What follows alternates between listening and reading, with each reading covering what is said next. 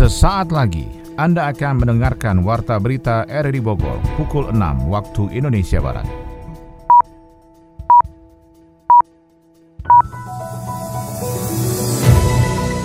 Selamat pagi, salam jumpa. Kami hadir kembali dalam Warta Berita edisi hari ini, Jumat 26 Agustus 2022. Informasi ini juga turut disiarkan melalui audio streaming lewat RRI Play dan juga disiarkan lewat Radio Tegak Beriman Kabupaten Bogor, Jawa Barat dan Anda bisa akses di Spotify RRI Bogor.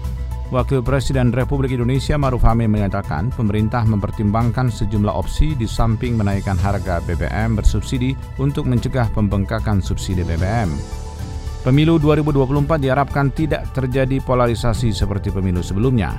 Dinas Perhubungan Kota Bogor membekukan ribuan izin trayek angkutan kota karena tidak tertib administrasi. Saya Mulane Starto inilah Warta Berita selengkapnya.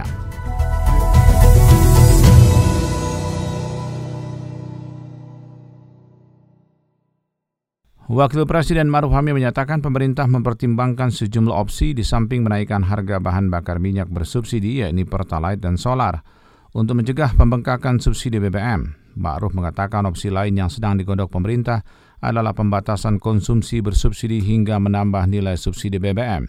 Kendati demikian, Ma'ruf mengakui penambahan nilai subsidi akan mengganggu anggaran pendapatan belanja negara, sebab subsidi yang sudah disiapkan pemerintah pun kini membengkak akibat lonjakan harga energi di tingkat global.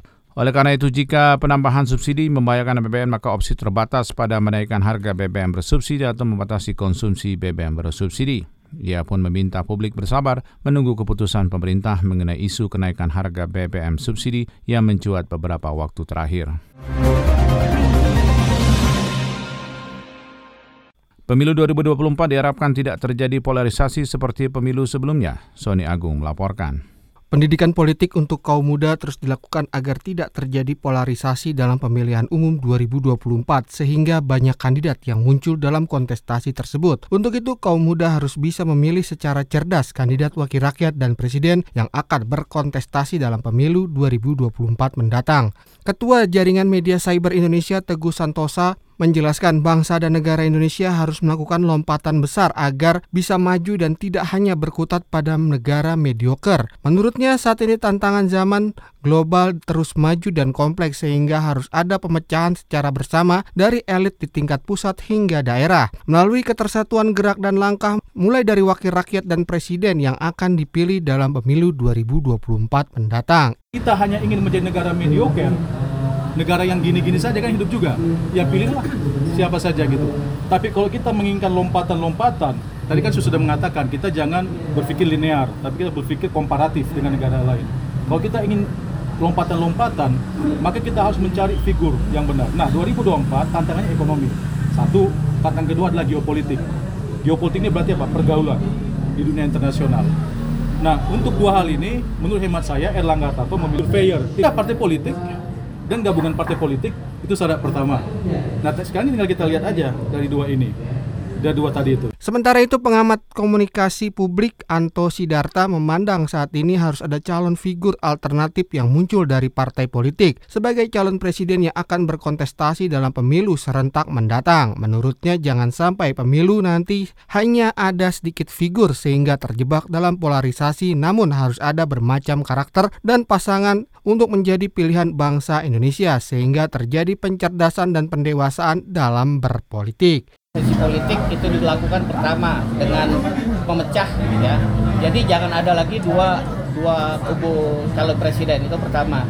Jadi partai-partai politik harus berani bersikap sekarang ini ya uh, bukan cuma uh, berdasarkan angka-angka elektabilitas tapi untuk bangsa ke depan itu harus harus diutamakan satu persatuan dengan uh, membuat poros-poros yang lebih banyak ya poros-poros yang lebih banyak minimal tiga poros untuk uh, capres dan cawapres. Masyarakat harus tetap menghindari bahaya politik uang dan berbagai potensi konflik lainnya sehingga pemilu mendatang dapat menghasilkan pilihan terbaik untuk membawa bangsa Indonesia maju, tumbuh, dan berkembang menjadi negara terkemuka. Dinas Perhubungan Kota Bogor membekukan ribuan izin trayek angkutan kota karena tidak tertib administrasi. Kita ikuti laporan Adi Fajar Nugraha. Sebanyak 1010 unit angkutan kota atau angkot di Kota Bogor terancam tidak bisa beroperasi kembali lantaran Dinas Perhubungan Kota Bogor telah membekukan izin penyelenggaraan angkutan perkotaan atau IPAP dari ribuan angkot tersebut. Kepala Dinas Perhubungan Kota Bogor Eko Prabowo mengatakan pembekuan IPAP tersebut telah melalui proses panjang secara administrasi sebelum ke arah pembekuan, di mana para pemilik angkot dan badan hukum telah diberi peringatan sebelum Dishub membekukan izinnya. Eko menjelaskan pihaknya memberikan waktu selama 30 hari kepada para badan badan hukum dan pemilik angkot untuk merapihkan dan memperpanjang semua izin trayek dan kartu pengawasan. Jumlahnya 1010. Ya, ini bukan artinya mereka diberi juga kesempatan 30 hari. Teman-teman itu badan hukum, pemilik angkot untuk benar-benar merapikan semua izin trayeknya, kemudian kartu pengawasannya. Izin trayek kan lima tahun sekali. Sementara itu, Wakil Sekretaris Organda Kota Bogor, Yadi Indra mengungkapkan alasan pemilik angkutan kota abai dikarenakan dampak dari pandemi COVID-19.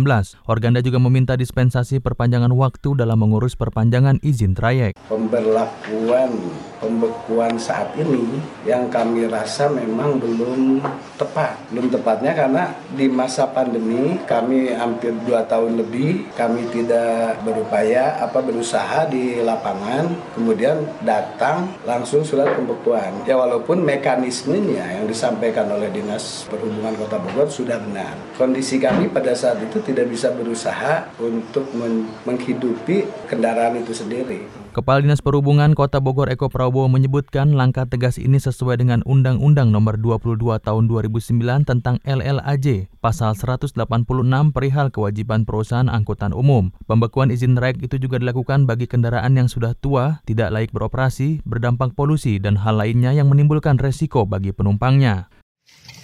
Kak, iya mah. Tahu kan mau di anaknya Bu RT? Tahu. Dia ngasih uang ke mamanya tiap bulan gede loh. Apa mamanya udah kebeli perhiasan lagi tuh. Mama kapan ya? Ma, kakak juga kan setiap bulan kasih ke mama. Bayarin utang papa. Terus bantuin adik-adik sekolah juga. Segitu juga udah alhamdulillah, Ma. Kita masih bisa makan. Si Anggun juga tuh, anaknya Bu Ijah. Seumuran kamu kan udah punya rumah. Walau cicilan ke bank sih, tapi kan udah punya rumah, Kak. Ma, stop deh banding-bandingin anak mama sama anak orang lain. Emang kenapa? Setiap orang itu punya kondisi yang berbeda, tanggung jawabnya juga berbeda. Nggak semuanya harus sama dan setara sama orang lain. Ah, kamu. Dibanding-bandingin kayak gini tuh bikin kakak sakit hati tau mah. Sebaiknya tidak membandingkan anak dengan orang lain, karena sejatinya tidak ada anak maupun orang tua yang ideal. Kak, maafin mama ya. Anda tengah mendengarkan Warta Berita RRI Bogor. Dinas Kesehatan Kabupaten Bogor melakukan praninjauan lokasi rencana perbaikan puskesmas pembantu di Kampung Sawah RT 2 RW 4 Desa Sukaluyu, Kecamatan Nanggung, Kabupaten Bogor. Yofri Haryadi melaporkan. Dinas Kesehatan Kabupaten Bogor kembali melakukan peninjauan lokasi rencana perbaikan Puskesmas Pembantu atau Pustu di Kampung Sawah RT 2 RW 4 Desa Sukaluyu, Kecamatan Nanggung, Kabupaten Bogor. Bangunan gedung berukuran 100 meter persegi itu pun sudah tidak layak lagi dipergunakan. Terlebih toilet dan saluran air tidak berfungsi dengan baik. Dalam kunjungan kerja di Desa Sukaluyu, Nanggung, Kabupaten Bogor, Kabit Sumberdaya Kesehatan Dinas Kesehatan Kabupaten Bogor Ani Bersari Kristina memastikan mengatakan pembangunan gedung Pustu dimulai saat ini juga, diawali dengan penyusunan detail engineering design DED yang diharapkan awal 2023 nanti mulai dibangun ulang. Setelah kami datangi, hmm. kami melihat memang kondisi pustu sudah tidak layak ya, hmm. karena kondisi bangunan yang sudah banyak nih retak-retak, kemudian bolong ya di atas kita lihat plafon, kemudian pintu-pintu juga ada yang sudah tidak ada, sudah tidak layak. Toiletnya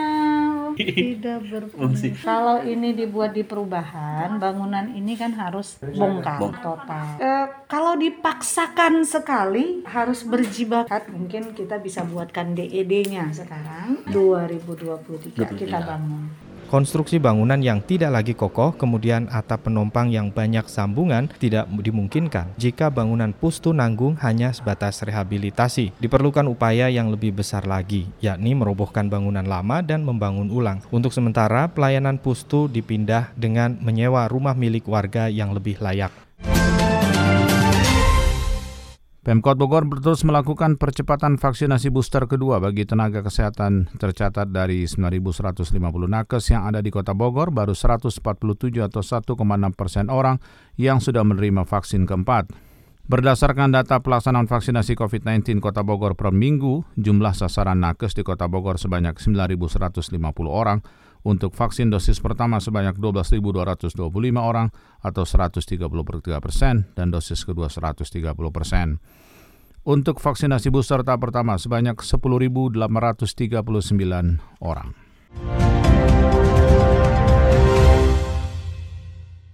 Puluhan ribu petani milenial yang tersebar di seluruh Indonesia dapat mengembangkan potensi bisnis di bidang agrobisnis dan wisata melalui dana kredit usaha rakyat, Sony Agung melaporkan.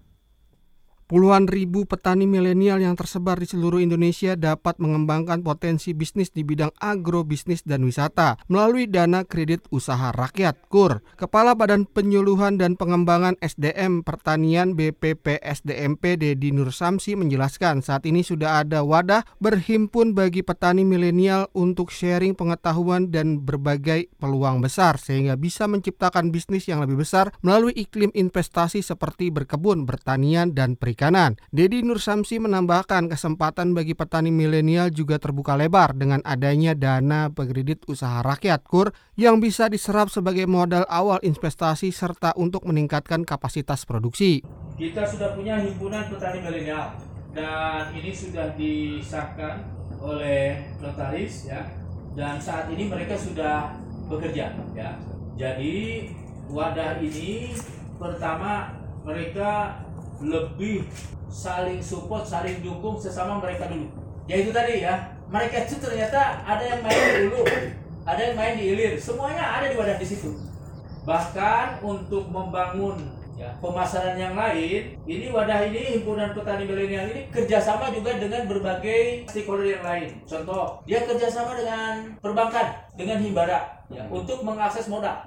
Selain itu, Kementerian Pertanian juga menciptakan iklim bisnis to bisnis agar para petani milenial dapat membuka jaringan kepada pelaku usaha yang besar, sehingga menciptakan pasar yang lebih besar dengan masuk ke berbagai platform marketplace untuk memasarkan produk kepada masyarakat domestik dan internasional. Ruang-ruang bisnis itu terus dibuka sehingga petani milenial dapat mengetahui keinginan pasar dan kebutuhan terkait produk yang akan mereka perjualbelikan. Terkait dengan bisnis to bisnis itu yang sekarang kita lakukan. Jadi sarasilan besok itu sama dengan B2B itu, businessman itu businessman. Meskipun sebagian mereka, sebagian besar itu memang masih startup. Tetapi ada juga yang sudah lumayan settle ya. Bahkan di antaranya sudah ada yang ekspor. Ada ekspor misalnya komoditas kopi sudah ekspor ke berbagai negara Eropa. Ada juga itu sayur-sayuran enggak enggak apa ya enggak terlalu hebat-hebat cuman daun singkong tapi sudah bisa ekspor ke Saudi Arabia. Ada juga beras ya terutama beras organik dan beras fungsional lain ya beras premium sudah diekspor juga ke Singapura, ke Malaysia gitu kan itu anak-anak kita itu yang kerja itu ya di lain pihak, petani milenial juga siap mengisi berbagai sektor produk mulai dari hilir sampai hulu sehingga tercipta kesejahteraan dari petani baik di pedesaan dan perkotaan sehingga dapat lebih masif menggerakkan perekonomian. Dari dunia ekonomi, bila pemerintah benar-benar ingin menaikkan harga BBM subsidi, Ketua Komisi 7 DPR RI Sugeng Suparwoto mengusulkan kenaikan harga BBM Pertalite sebesar 30 persen menjadi Rp10.000 per liter. Menteri Investasi Kepala BKPM Bahlil Hadalia membeberkan komitmen investasi Korea Selatan ke Indonesia sebesar 100 triliun rupiah. Adi Fajar melaporkan. Sinyal kenaikan harga BBM subsidi terus dikeluarkan pemerintah. Bila pemerintah benar-benar ingin menaikkan harga BBM subsidi, Ketua Komisi 7 DPR RI Sugeng Suparwoto mengusulkan kenaikan harga BBM Pertalite sebesar 30% menjadi Rp10.000 per liter. Menurutnya meskipun melakukan kenaikan sebesar itu, pemerintah tetap memberikan subsidi kepada masyarakat. Pasalnya harga keekonomian Pertalite bisa mencapai Rp17.000 per liter saat ini. Namun menurutnya meskipun dinaikkan menjadi Rp10.000 per liter, beberapa golongan harus diberikan akses untuk membeli Pertalite seharga Rp7.650 per liter seperti kendaraan roda 2, transportasi umum, hingga kendaraan yang mendukung ekonomi industri kecil menengah. Meski begitu, Sugeng juga memaparkan, sebetulnya apabila memang ada windfall profit atau kenaikan pendapatan pemerintah karena meroketnya harga komoditas masih besar, seharusnya subsidi masih bisa ditahan seperti sekarang. Sementara kenaikan harga BBM bisa ditunda. Menurutnya hal itu dilakukan untuk menahan tingkat inflasi. Menurutnya apabila ada kenaikan harga BBM Pertalite hingga 10% saja bisa berimplikasi pada kenaikan tingkat inflasi sebesar 1,5%. Opsi lain yang ditawarkan juga BBM tidak perlu naik, namun pembatasan ketat dilakukan pemerintah untuk BBM subsidi. Menteri Investasi Kepala BKPM Bahlil Lahadalia membeberkan komitmen investasi Korea Selatan ke Indonesia senilai 100 triliun rupiah. Ini merupakan hasil kunjungan Presiden Jokowi ke Korsel pada akhir Juli 2022 lalu. Ia menyampaikan bahwa dari yang sudah ada semuanya sudah ongoing, bahkan sebagian groundbreakingnya sudah dimulai di akhir tahun ini dan sebagian di Januari 2023. Dari total komitmen investasi tersebut, terdapat komitmen penambahan investasi sebesar 3,5 miliar US dollar dari POSCO yang akan bekerja sama dengan dengan Krakatau Steel untuk memproduksi baja untuk otomotif termasuk kendaraan listrik. Selain itu terdapat juga komitmen untuk pembangunan pabrik sepatu di Sragen, Jawa Tengah yang disebut akan menyerap tenaga kerja kurang lebih 30 ribu orang. Kemudian LG yang disebut berminat berinvestasi di ibu kota negara atau IKN, salah satunya untuk membangun pabrik baterai mobil listrik. Semua potensi disambut baik oleh pemerintah dalam memajukan investasi demi keberlanjutan pembangunan Indonesia.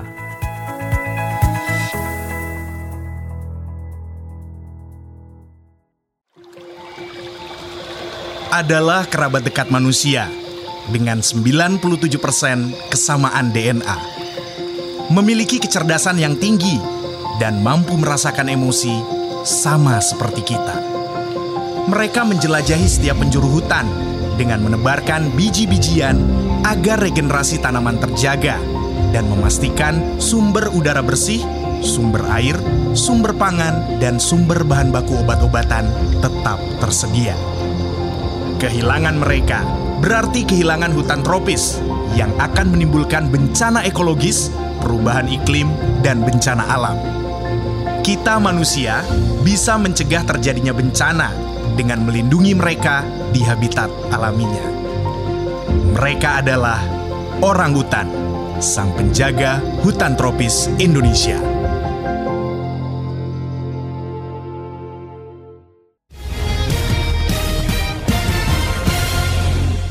Dari dunia olahraga menjelang pelaksanaan Pekan Olahraga Provinsi ke-14 Jawa Barat, pengurus KIR Kabupaten Bogor intens mempersiapkan para atletnya meningkatkan program latihan di situ Cipicung Mekarsari, Kecamatan Cilengsi. Ganda putra Indonesia Markus Fernandegido dan Kevin Sanjaya Sukomulyo gugur di babak 16 besar kejuaraan dunia BWF 2022.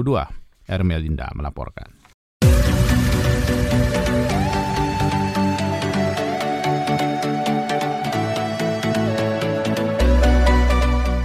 Menjelang pelaksanaan Pekan Olahraga Provinsi Porprov ke-14 Jawa Barat 2022, pengurus Ki Air Kabupaten Bogor intens mempersiapkan para atletnya dengan meningkatkan program latihan di situ Cipicung Mekarsari Kecamatan Cilengsi. Ketua Pengca Persatuan Ski Air dan juga Wakeboard Indonesia PSAWI Kabupaten Bogor, Ari Indradi menjelaskan bahwa jadwal latihan di air dilakukan pada Sabtu dan Minggu, sedangkan hari biasa fokus dengan fisik. Karena jadwal latihan atlet harus diatur mengingat para atlet ski air Kabupaten Bogor sebagian besar pelajar SMA dan mahasiswa. Di hitungan mundur ya, hmm. kalau dari cabur ski air itu alhamdulillah kita selalu latihan tidak pernah putus dan kita juga udah beberapa kali uh, apa namanya pelacak TC gitu ya training center itu juga tidak putus dari akhir tahun uh, 2021 sampai terakhir kemarin sebelum Agustus kita masih terus dan kita uh, untuk mencapai kesiapan prestasi 80% saat ini ya. Rencananya kita akan ada pelacak fin atau Oktober, Oktober ya, bulan depan ke Oktober itu akan ada pelacak final. Juga kita sudah persiapkan sehingga untuk mencapai kesiapan atlet yang penuh Selanjutnya Ari menyampaikan pada saat pelacak final atau satu bulan jelang Porprov Komite Olahraga Nasional Indonesia KONDI Kabupaten Bogor harus membuatkan surat rekomendasi untuk masing-masing sekolah siswa atau universitas para atlet terkait surat dispensasi. Sementara itu menjelang pelaksanaan Pekan Olahraga Provinsi Porprov ke-14 Jawa Barat 2022, tim ski air Kota Bogor juga intens menjalani pemusatan latihan di beberapa tempat yakni di situ Cipicung, Kecamatan Cijeruk, Kabupaten Bogor, situ Parahyang, Kota Baru, Kabupaten Bandung Barat, dan dan Danau Sunter Jakarta Utara. Ketua Umum Pengurus Cabang Pengcap Persatuan Ski Air dan Wakeboard Indonesia PSAWI Kota Bogor Dedi Sumarno mengatakan jadwal latihannya dimaksimalkan satu minggu penuh dari pagi hingga sore hari. Mengingat latihan ini merupakan persiapan para atlet sebelum bertanding. Mulai seleksi eh, pertama itu prioritas latihan ditingkatkan yang kedua adalah seleksi atlet-atlet yang nanti akan eh, disertakan di Porda. kita ada beberapa atlet baru yang notabene mantan atlet SEGIM juga masuk Kota Bogor artinya bisa menambah harapan Kota Bogor untuk PSAI bisa meningkatkan prestasinya menambah medali yang lebih baik Dedi menambahkan atlet yang terbentuk dalam pemusatan latihan cabang pelacap ski air kota Bogor sudah ada tujuh orang terdiri dari empat atlet putra dan tiga atlet putri. Ganda putra Indonesia Marcus Fernaldi Gideon Kevin Sanjay Sukamulyo gugur di babak 16 besar kejuaraan dunia BWF 2022. Dengan demikian pasangan berjuluk The Minions ini lagi-lagi gagal menjadi juara dunia. Marcus dan Kevin mengaku tampil di bawah performa saat menghadapi pasangan Inggris Ben Land dan juga Sin Fendi di babak 16 besar. Mereka nampak kesulitan untuk meladeni permainan sang lawan. Bertanding di Tokyo Metropolitan Gymnasium pada hari Kamis pagi waktu Indonesia Barat, Marcus dan Kevin tidak tidak pernah unggul dalam perolehan poin. Penampilan mereka semakin merosot hingga kalah dua set langsung 15-21 dan 9-21. Dengan demikian, The Minions lagi-lagi gagal mewujudkan impiannya menjadi juara dunia. Padahal ganda putra ranking pertama BWF tersebut telah mengikuti empat edisi kejuaraan dunia 2017, 2018, 2019, dan 2022.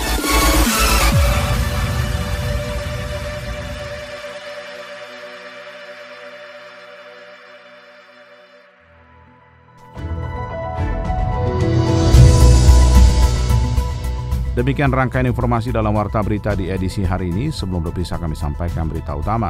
Wakil Presiden Republik Indonesia Maruf Amin menyatakan pemerintah mempertimbangkan sejumlah opsi di samping menaikkan harga BBM bersubsidi untuk mencegah pembengkakan subsidi BBM. Pemilu 2024 diharapkan tidak terjadi polarisasi seperti pemilu sebelumnya. Dinas Perhubungan Kota Bogor membekukan ribuan izin trayek angkutan kota karena tidak tertib administrasi. Saya Maulana Isnarto, mewakili kerabat kerja yang bertugas hari ini terima kasih atas perhatian Anda. Selamat pagi, sampai jumpa.